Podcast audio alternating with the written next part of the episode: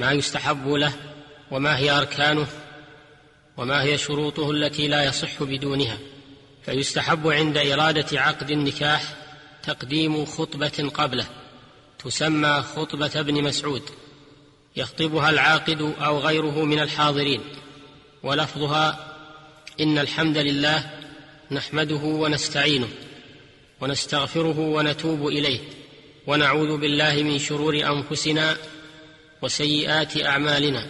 من يهد الله فلا مضل له ومن يضلل فلا هادي له.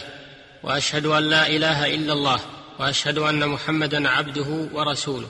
رواه الخمسة وحسنه الترمذي. ويقرأ بعد هذه الخطبة ثلاث آيات من كتاب الله.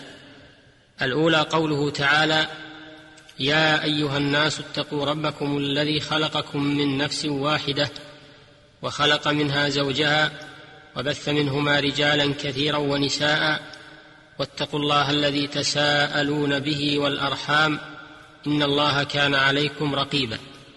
الثانية قوله تعالى يا أيها الذين آمنوا اتقوا الله حق تقاته ولا تموتن إلا وأنتم مسلمون. الثالثة قوله تعالى يا أيها الذين آمنوا اتقوا الله وقولوا قولا سديدا يصلح لكم أعمالكم ويغفر لكم ذنوبكم ومن يطع الله ورسوله فقد فاز فوزا عظيما. وأما أركان عقد النكاح فهي ثلاثة الأول وجود الزوجين الخاليين من الموانع التي تمنع صحة النكاح بأن لا تكون المرأة مثلا من اللواتي يحرمن على هذا الرجل بنسب أو رضاع أو عدة أو غير ذلك. ولا يكون الرجل مثلا كافرا والمرأة مسلمة وغير ذلك من الموانع الشرعية التي سيأتي بيانها إن شاء الله. الركن الثاني حصول الإيجاب وهو اللفظ الصادر من الولي أو من يقوم مقامه بأن يقول للزوج زوجتك فلانة أو أنكحتكها. الركن الثالث حصول القبول بعد الإيجاب وهو اللفظ الصادر من الزوج أو من يقوم مقامه بأن يقول قبلت هذا النكاح أو هذا التزويج واختار شيخ الإسلام ابن تيمية وتلميذه العلامة ابن القيم أن النكاح ينعقد بكل لفظ يدل عليه ولا يقتصر على لفظ الإنكاح والتزويج ووجهة نظر من قصره على لفظ الإنكاح والتزويج أنهما هما اللفظان اللذان ورد بهما القرآن كقوله تعالى فلما قضى زيد منها وطرا زوجناكها وكقوله تعالى ولا تنكحوا ما نكح آباؤكم من النساء لكن ذلك الواقع لا يعني الحصر في هذين اللفظين والله تعالى أعلم. وينعقد النكاح من أخرس بكتابة أو إشارة مفهومة. وإذا حصل الإيجاب والقبول انعقد النكاح ولو كان المتلفظ هازلا لم يقصد معناه الحقيقي. في قوله صلى الله عليه وسلم ثلاث هزلهن جد وجدهن جد الطلاق والنكاح والرجعة. رواه الترمذي. وأما شروط صحة النكاح فهي أربعة. الأول تعيين كل من الزوجين فلا يكفي أن يقول زوجتك بنتي إذا كان له عدة بنات أو يقول زوجتها ابنك وله عدة أبناء.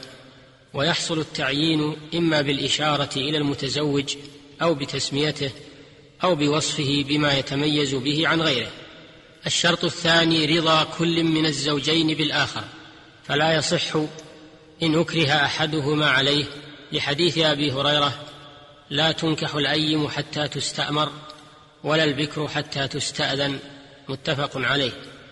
إلا الصغير منهما الذي لم يبلغ والمعتوه فلوليه أن يزوجه بغير إذنه.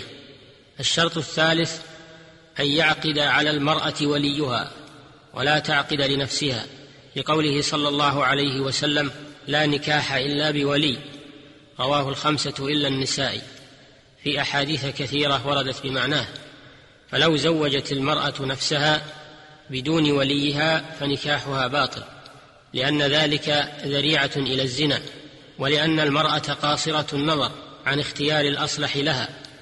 والله تعالى خاطب الأولياء بالنكاح خاطب به الرجال خاصة فقال تعالى وأنكحوا الأيام منكم قال تعالى فلا تعضلوهن وغير ذلك من الآيات وولي المرأة هو أبوها ثم وصيه فيه ثم جدها لأب وإن علا ثم ابنها ثم بنوه وإن نزلوا ثم أخوها لأبوين ثم أخوها لأب ثم بنوهما وإن نزلوا ثم عمها لأبوين ثم عمها لأب ثم بنوهما وإن نزلوا ثم أقرب عصبتها نسبا كالإرث ثم المعتق لها ثم الحاكم.